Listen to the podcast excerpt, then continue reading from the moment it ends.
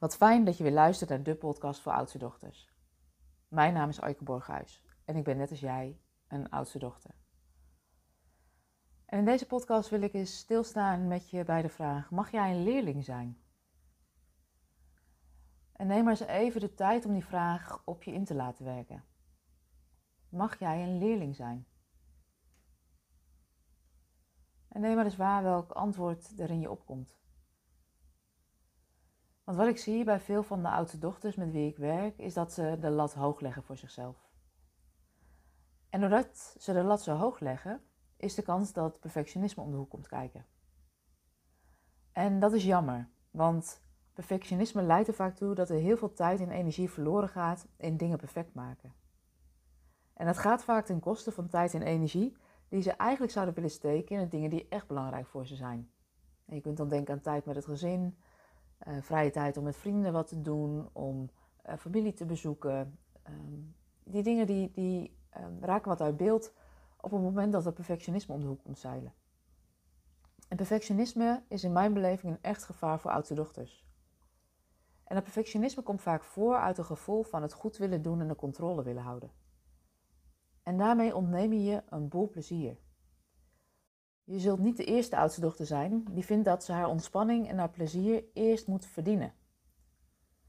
Of die zichzelf klem zet in een als-dan redenering. Als ik het huis heb opgeruimd, dan kan ik wat leuks gaan doen met mijn gezin. Als ik mijn werk afrond, dan is het tijd voor een wandeling. Als, dan. En je kunt ze zelf wel invullen. En in de praktijk zie ik vaak dat de redenering daarbij is dat je eerst nuttige dingen moet doen. Um, en daardoor eigenlijk weinig tijd en ruimte overhoudt voor de dingen die je graag wilt doen. Want die dingen die zogenaamd nuttig zijn, die kosten vaak ook meer tijd dan dat je verwacht of denkt. Wat pas echt zonde is aan perfectionisme, is dat je vindt dat je alles al moet kunnen en vergeet dat je ook een leerling mag zijn. Doordat je de lat zo hoog legt voor jezelf, kan het zijn dat je niet begint aan de dingen die je eigenlijk graag wil doen. Je voelt bijvoorbeeld wel het verlangen om te beginnen aan een creatief project, maar je doet het niet. Je blijft inspiratie en ideeën zoeken, maar gaat vervolgens niet zelf aan de slag. Of het blijft bij het aanschaffen van de materialen die je vervolgens aan liggen te kijken en waar je niks mee doet. Het kan ook zijn dat je wel begint, maar dat het niet meteen lukt en dat je het daarna weer aan de kant legt. Maar hoe komt dat nu? Wat ik bij veel oudste zie is dat ze meteen een groot doel bedenken voor zichzelf. Ze raken geïnspireerd door mensen die ontzettend creatief zijn en denken dat wil ik ook. En oudste dochters zijn vaak ambitieus en maken het doel te groot. Ze beginnen niet met een blog schrijven, maar het moet meteen een bestsellerboek zijn. Ze willen niet een kussensloop haken, maar nee, het moet meteen een tweepersoonsprij zijn. Ze willen niet een nieuw recept uitproberen, nee, er moet meteen een uitgebreid diner op tafel gezet worden.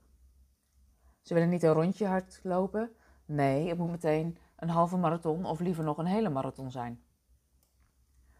En de valkuil van onze doelen zo groot maken is dat we niet meer weten of niet meer zien waar we kunnen beginnen en daardoor de eerste stap niet zien.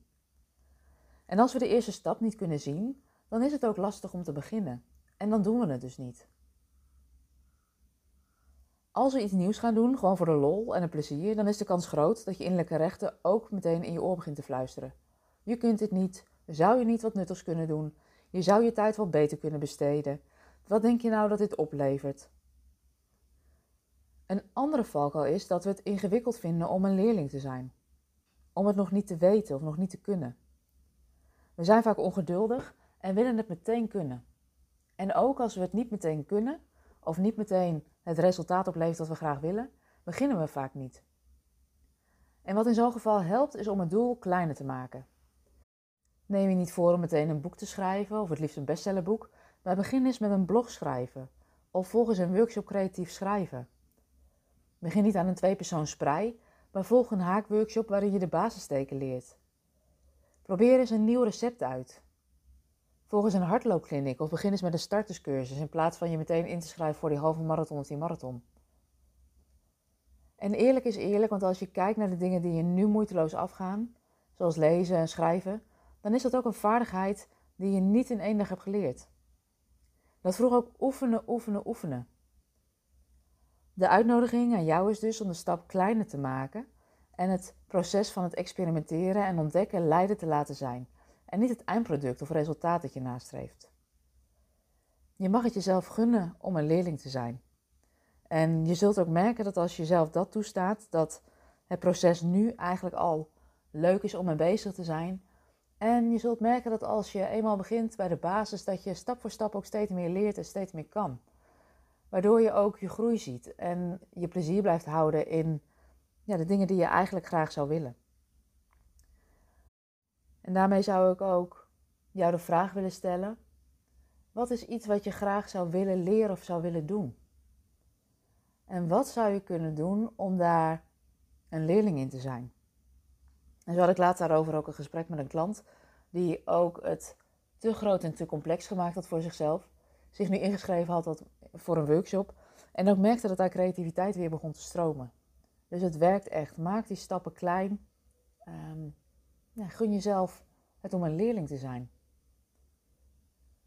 En daarmee wil ik je bedanken voor het luisteren naar deze podcast.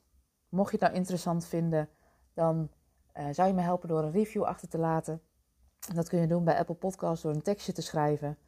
Um, bij Spotify zou het kunnen door een aantal sterren te geven. En daarmee wordt deze podcast beter gevonden op, uh, voor andere oudste dochters, voor wie deze podcast ook waardevol zou kunnen zijn. Dus daar zou je me mee helpen. Ik wil je bedanken voor het luisteren en uh, tot de volgende keer. Fijne dag!